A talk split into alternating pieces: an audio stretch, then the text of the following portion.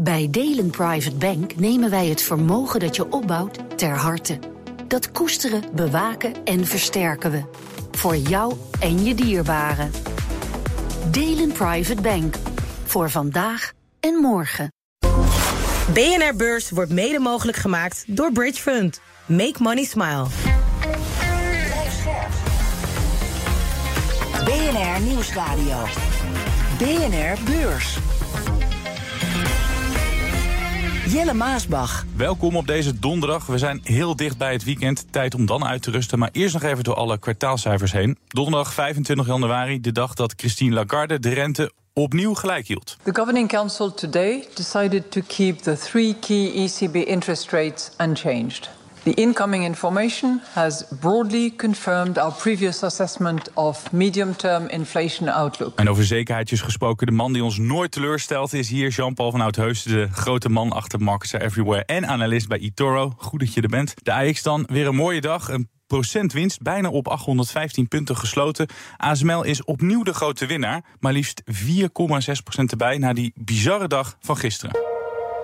We moeten het zo echt even hebben over Tesla, want dat stelt aandeelhouders teleur. Tesla, after the closing bell Wednesday, warned of a notable slowdown in its vehicle sales growth this year.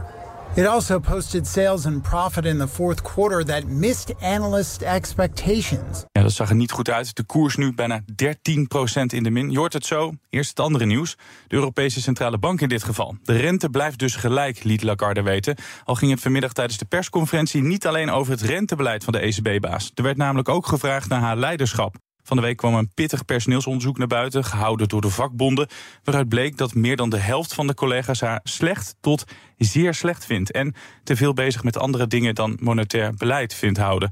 Lagarde reageert geïrriteerd op de onderzoeksresultaten. Now, we ask lots of other questions about satisfaction, dissatisfaction, compensation, dignity at work, and all the rest of it. And we pay great attention to these technically sound responses, and we act upon them. And we will continue to do so. Now, what keeps me going is those answers. That's my response to your question. Those are the surveys that I'm particularly attentive to and keen to constantly improve. Thank you. Hebben ze bij Markets Everywhere wel eens zo'n pittige enquête gehouden, Jean-Paul? Dat wordt lastig met het aantal uh, werknemers. Dit is een beetje, een beetje flauwig, maar het kwam toch niet heel uh, lekker allemaal uh, naar buiten. Maar als we het over serieuze zaken hebben, jij wordt altijd moe als we het over inflatie hebben. Maar wat denk jij, hoe lang gaan ze daar die, uh, die rente nog op hetzelfde niveau houden bij de ECB? Ja, ik snap eigenlijk ook niet dat het zo lang duurt en dat ze dat zo'n moeilijk uh, onderwerp vindt. Want het gaat natuurlijk economisch niet goed. Uh, er moet er nu weer het nieuwste groeicijfer komen. Als dat negatief is, zit je in een technische recessie. Mm -hmm. nou, weet je, dus laten wij zeggen, het is rond de nul. Ja? Nou ja, dan zou het toch helpen als je toch in ieder geval zegt van we kunnen op een gegeven moment de rente gaan verlagen. Maar daar willen ze het pertinent niet over hebben. Nee. Dan uh, na het einde van het tijdperk Bruno Chabas bij uh, SBM Offshore. De CEO die treedt in april dit jaar af als de grote baas bij SBM. Maar liefst 12 jaar zat hij bij het bedrijf dat we kennen van die enorm drijvende platforms voor de productie, opslag en overslag van olie. Hij moest een bedrijf runnen dat te maken had met ups, maar vooral veel downs. Dat is te zien in de beurskoers. Toen hij aantrad boven de 15, nu inmiddels onder de 13 euro. Ja, de beste man had een pittige taak. Hij werd geconfronteerd met een schandaal van voor zijn tijd. In 2012 komt aan het licht dat het bedrijf op grote schaal smeergeld betaalt... om opdrachten binnen te halen in onder meer West-Afrika en vooral Brazilië. Dat aan het licht kwam door een klokkenluider, Jonathan Taylor, hier in gesprek met Nieuwsuur. It was the CEO of the day entering into those agreements and signing off on specific payments. The top level nu. The very top of the company. It was purposeful and intended. Ze moesten uiteindelijk voor 800 miljoen dollar aan boetes betalen. Een voormalig bestuurder ging uh, achter de tralies. Heel veel rechtszaken, nachtmerrieprojecten, oliecrisis. Kortom, altijd storm bij SBM. Ja, dan is het toch nog wel knap dat deze man uh, er zo lang wist te blijven, hè? Zeker.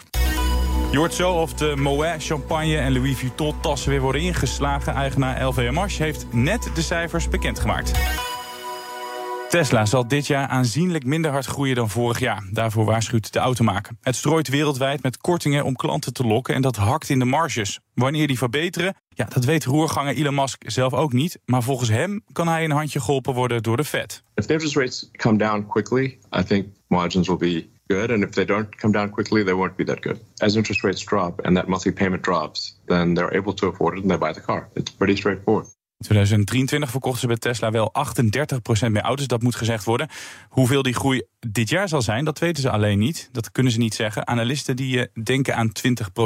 Dan is de grote vraag, heeft uh, onze grote vriend Elon Musk zichzelf in de voet geschoten... met die prijsoorlog die die is uh, gestart, Jean-Paul? Die, die, hele markt is natuurlijk, is natuurlijk heel veel overcapaciteit. Er zijn veel te veel autofabrikanten. Er zijn heel veel start-ups bijgekomen. Die willen allemaal die auto's slijten. Mm -hmm. Uh, dus ja, er moet op een gegeven moment consolidatie komen. Ja, en uh, hij doet daar aan mij. Hij moet natuurlijk ook zijn aantallen halen. Ja, dat gaat dan dus ten koste van uh, de, de marges. Ja, want laat ik die marges erbij pakken. In de laatste drie maanden 17,6 procent. Dat was een jaar eerder nog zo'n 24 procent. Een forse daling. Maar die 17,6% laten we die erbij pakken. Is dat nog wel een keurige marge voor een autobouwer? Ja, dat is als je het vergelijkt met uh, Volkswagen, Toyota, ja. uh, BYD. Het zit allemaal een beetje in dezelfde hoek. Tesla zit dan uh, een, een, klein beetje aan de onderkant. Maar vergeleken met heel veel autobouwers, die halen dit helemaal niet. Dus in die zin is dat nog steeds heel keurig. Ja, toch dan, als ik je zo hoor beluisteren, dan valt het voor nu mee. Maar hoe lang hou je dit als bedrijf vol? Want je kan niet natuurlijk elk jaar zo'n daling van de marges uh, hebben. Nee, kijk, Tesla heeft natuurlijk uh, de guidance gegeven om te zeggen van we willen elk jaar met 50% groeien. Nou, uh, als je dat soort groeien hebt, dan hoort daar ook een hele hoge koers van je aandeel bij. Mm -hmm. Maar nu hebben ze eigenlijk voor het eerst daar eigenlijk niks over gezegd. Over hoe het jaar gaat eindigen, of wat hun eigen verwachting is. En daar komt die 20% vandaan. Als ze dan zeggen notably lower, dan ja. zeggen mensen nou, uh, dan laten we dan maar uitgaan van 20%. Uh, dus het is een beetje in het duister tasten. Ja, dus dat is het. Dat, die, dat ze in ieder geval niet iets durven te zeggen over uh, ja, dat, dan zeggen mensen, ja, dan hebben we ook niet echt een richtpunt. Ja. Het is wel grappig dat er eigenlijk, als je goed luistert en kijkt... zit er eigenlijk wel een parallel in met uh, ASML. Omdat ze zeggen van 2024 uh, wordt het niet zoveel... Ja. maar in 2025 ja, daarna, dan komen we met die nieuwe budgetauto... die van 25.000 dollar om en nabij. En dan gaan we weer flink groeien. Ja. Misschien moet je even met Veldhoven bellen voor een uh, lesje communicatie. Dat, uh, ja. dat zou wel kunnen. Maar dat is een andere stijl, ja. Jij, merkt je, jij maakt je als belegger, dus uh, ik weet dat je niet in, in Tesla zit. Maar als jij aandeelhouder zou zijn, zou je dan zorgen maken om die marges die op dit moment toch wel voorstellen? Kijk, het aandeel Tesla, het is gewoon of je houdt ervan, of je houdt er niet van. Dus de mensen die zuur willen doen, die zeggen: zie je wel. En dan gaat het eindelijk naar beneden. Het is een gewone automaker en die marges gaan naar beneden. En die zien het uh, nog een keertje halveren, ja. zeg maar. Maar ja, kijk, als je de andere kant uh, uitredeneert... en dat is misschien, moet je daar een beetje fantasie bij hebben... maar hij, hij zegt dus, hij zijn met die budgetauto... hij met een heel revolutionair nieuw productieplatform bezig... wat de kosten laag gaat houden. Ja. Nou, uh, ik denk dat dat wel gaat lukken. En er zijn dadelijk heel veel merken die kunnen helemaal niet meekomen in die concurrentiestrijd met Tesla en die Chinezen. Ja. En als jij dan een heel mooi merk hebt, misschien dat er op een gegeven moment wel iemand opbelt en die zegt: joh, uh, kan ik niet op jouw platform met mijn merk, ja. zullen we samen auto's maken? Ja. Dan ziet het er heel anders uit. Ja, allemaal dus om meer te verkopen. Ik zat dus die earnings call zat ik uh, terug te luisteren. Dat fragment van net komt eruit dat hij zegt: ja, als die rente naar beneden gaat, dan gaan mensen auto's uh, kopen. Want dan kunnen ze weer geld uitgeven. Denk je dat ze het uh, daarvan moeten hebben? Nou ja, hij is natuurlijk ook niet vies van Musk om een beetje zich politiek ermee te bemoeien. bemoeien. allicht helpt dat natuurlijk wel. Als de, als de ja. consumenten, want je ziet dat natuurlijk op andere vlakken ook. Hè. Je ziet dat met de verkoop van de iPhones, van de auto's. Ja, we hebben het dadelijk over zie je in Amerika ook mm. dat, dat dat een beetje tegenvalt. Dus op het moment dat de consument weer meer geld in de zak heeft, zal dat allicht helpen. Alleen ja, zo mooi als het geweest is in die jaren dat er heel veel coronasteun was en uh, ja. dat, dat komt niet zo heel snel weer terug. Wat voorlopig ook niet terugkomt, zijn die enorme groeicijfers bij Tesla. Gisteren lekte dat bericht uit dat ze werken aan een goedkoop model. Onder codenaam Redwood. Is dat de redding? Nou, dat is wel uh, echt wat, wat een heel goed idee is en wat hard nodig is. Ik weet ook niet of je moet praten over een redding. Want ja, het aandeel is dan nu naar beneden. Maar die cijfers zijn nog steeds hartstikke goed. Hè? Die uh, elektrische auto's, uh, ja, die hebben hier en daar best wel wat last van tegenwind. Maar Tesla doet het gewoon hartstikke goed. Ja, maar toch, we hebben het heel vaak met jou over China. En jij hebt ons toen gewezen al heel lang terug op BYD. Dat uh, gaf ik toen niet zoveel, maar dat is nu echt een grote concurrent daar. Is dat niet gewoon op dit moment de grote nachtmerrie voor Tesla? En gaan die ze gewoon echt voorbij? BYD lichten we er dan uit. Maar er zijn ook wel andere merken die het daar ook gewoon heel erg uh, goed doen. Kijk, waar Tesla naar mijn mening een beetje uh, tegenaan loopt... ze hebben gewoon relatief weinig modellen. En zeker in China, dat zijn totale andere autokopers dan hier. Daar willen mensen allemaal gadgets en technologie allemaal in die auto hebben. En die Tesla's, die, zijn, die zitten wel heel goed in elkaar. Maar die zijn in die zin een beetje saai. En dat is gewoon ontzettend moeilijk uh, concurreren. Dus uh, op de vraag, wat kunnen ze nog doen? Meer gadget in die uh, auto bouwen? Nou ja, of gewoon met zo'n met nieuwe modellen komen. En zo'n zo'n budgetauto, die ja. technisch gewoon helemaal goed in elkaar zit. dat kan echt wel weer een groot marktaandeel. Misschien in China wat minder, maar er zijn natuurlijk talloze andere markten waar Tesla ook heel goed uh, aan de bak kan. Tot slot hierover, Jean-Paul. Hoe lang houdt hij het nog vol met die prijzenoorlog? Is dat nu wel voorbij? Of zie je hem nog een keer de prijzen verlagen om uh, de concurrentie bij te benen? Ja, ik denk zolang die consolidatie niet echt op gang komt en er uh, partijen zijn die echt op een gegeven moment denken van ja, weet je, ik moet toch nog wat doen om mijn vaste kosten goed te maken. Ik zat uh, net ook nog even te kijken, zo'n Polestar bijvoorbeeld. Hè? Ja, dat is, bak.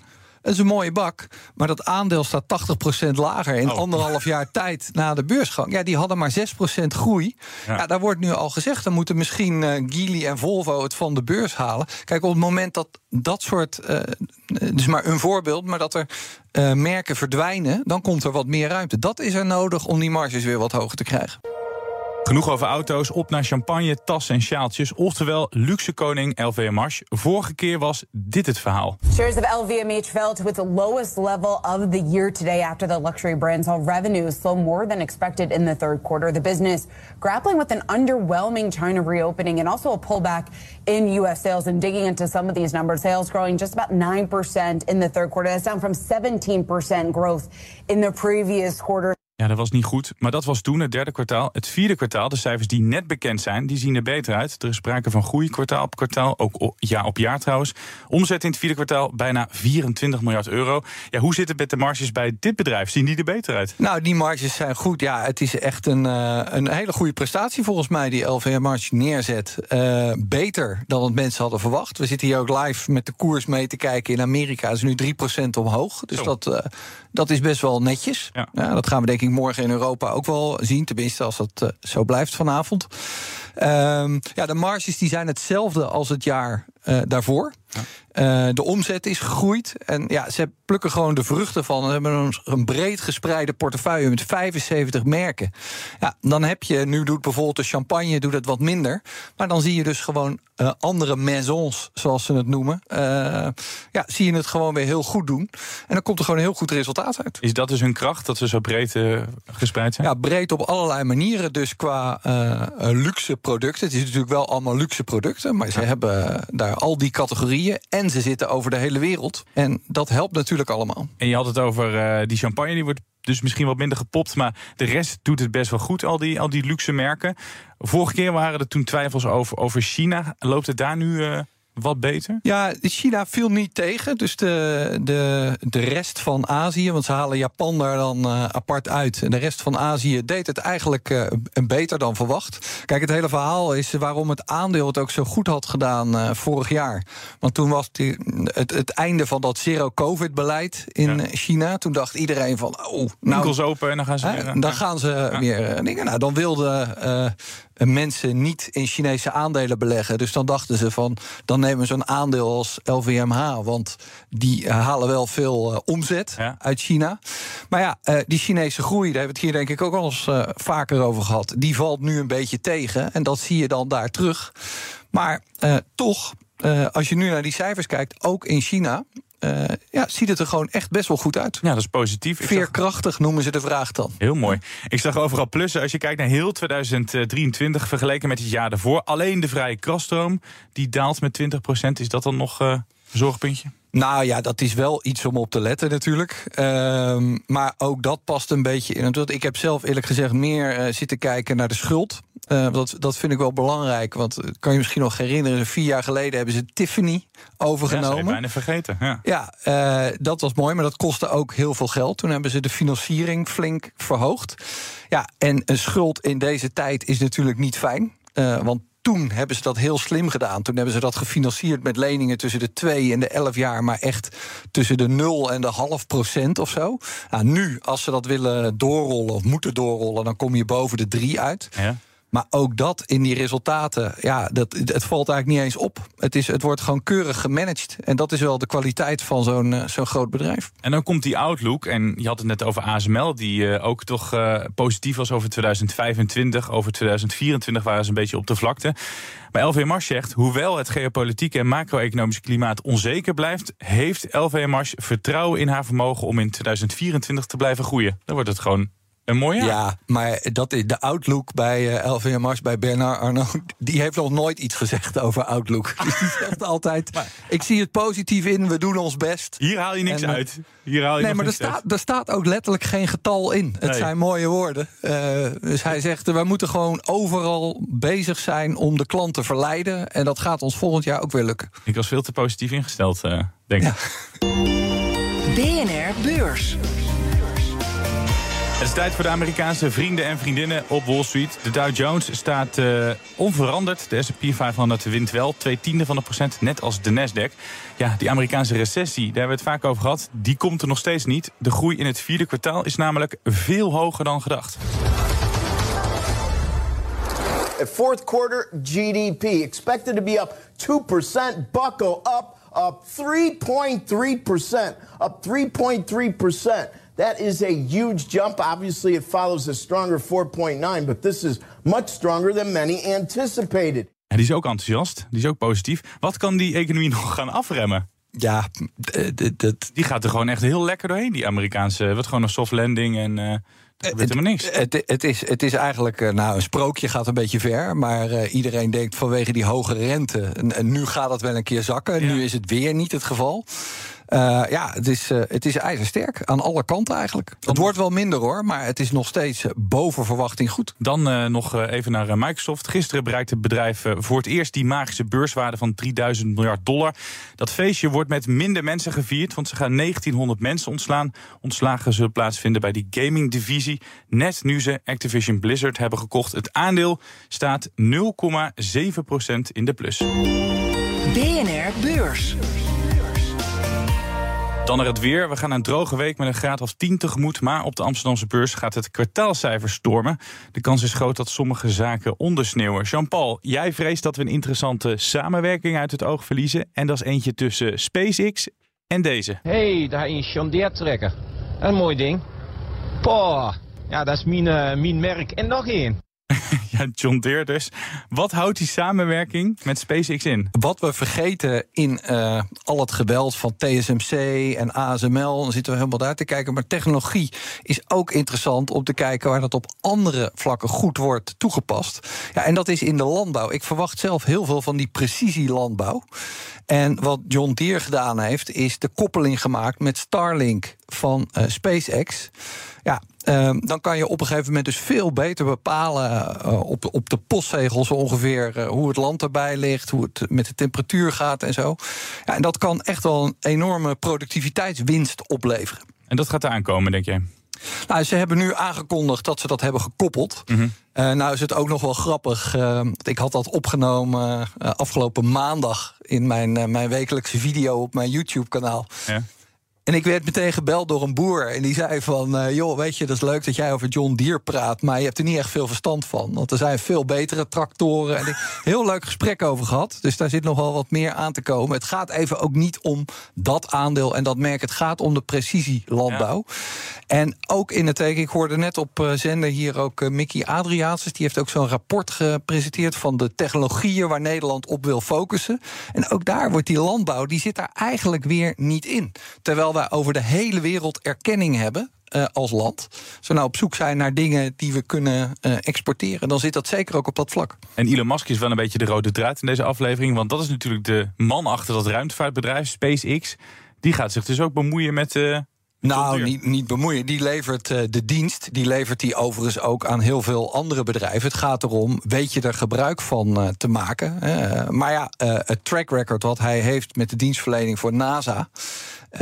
ik denk dat dat wel goed kan werken. En ik denk niet dat het zo heel makkelijk is om het te, te koppelen. Dus als er partijen zijn zoals misschien een John Deere, die dat als een van de eerste of het beste voor elkaar krijgen, ja, daar is echt wel voordeel uit te halen. Gaat dat die hele landbouwsector eh, naar een hoger niveau uh, tillen? Nou, wat je dan kan doen, is met name op plekken waar je nu helemaal geen internet hebt, kan je toch uh, ja, ook je bedrijf runnen. En dat is natuurlijk wel interessant. Ja. Maakt het het aandeel van John Deere dan ook gelijk uh, interessanter? Nou, daar komen wel wat, wat andere dingen ook bij kijken. Daar had ik dus ook een uh, gesprek over. Want je hebt bijvoorbeeld de concurrent uh, Achco. Uh, van de vent, als jij verstand hebt van tractoren. Ik heb een hoop geleerd uh, vanmiddag, maar dat is eigenlijk een beetje de Porsche onder de, de tractors. Ja.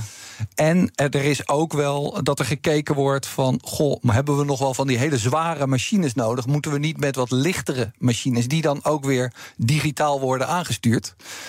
omdat je dan de grond minder belast. Dat is erg interessant. Heb jij nu ook een lievelingsmerk of durf je dat niet meer te zeggen... omdat je dan gelijk weer gebeld wordt? Ik weet er gewoon nog te, te, te, weinig vanaf. Daar werd ik feitjes op geweest. Kan ik wel waarderen. Uh, dus ik moet daar echt nog even wat meer huiswerk doen. Maar ik ga er zeker verder naar kijken, want ik vind het een super interessant gebied.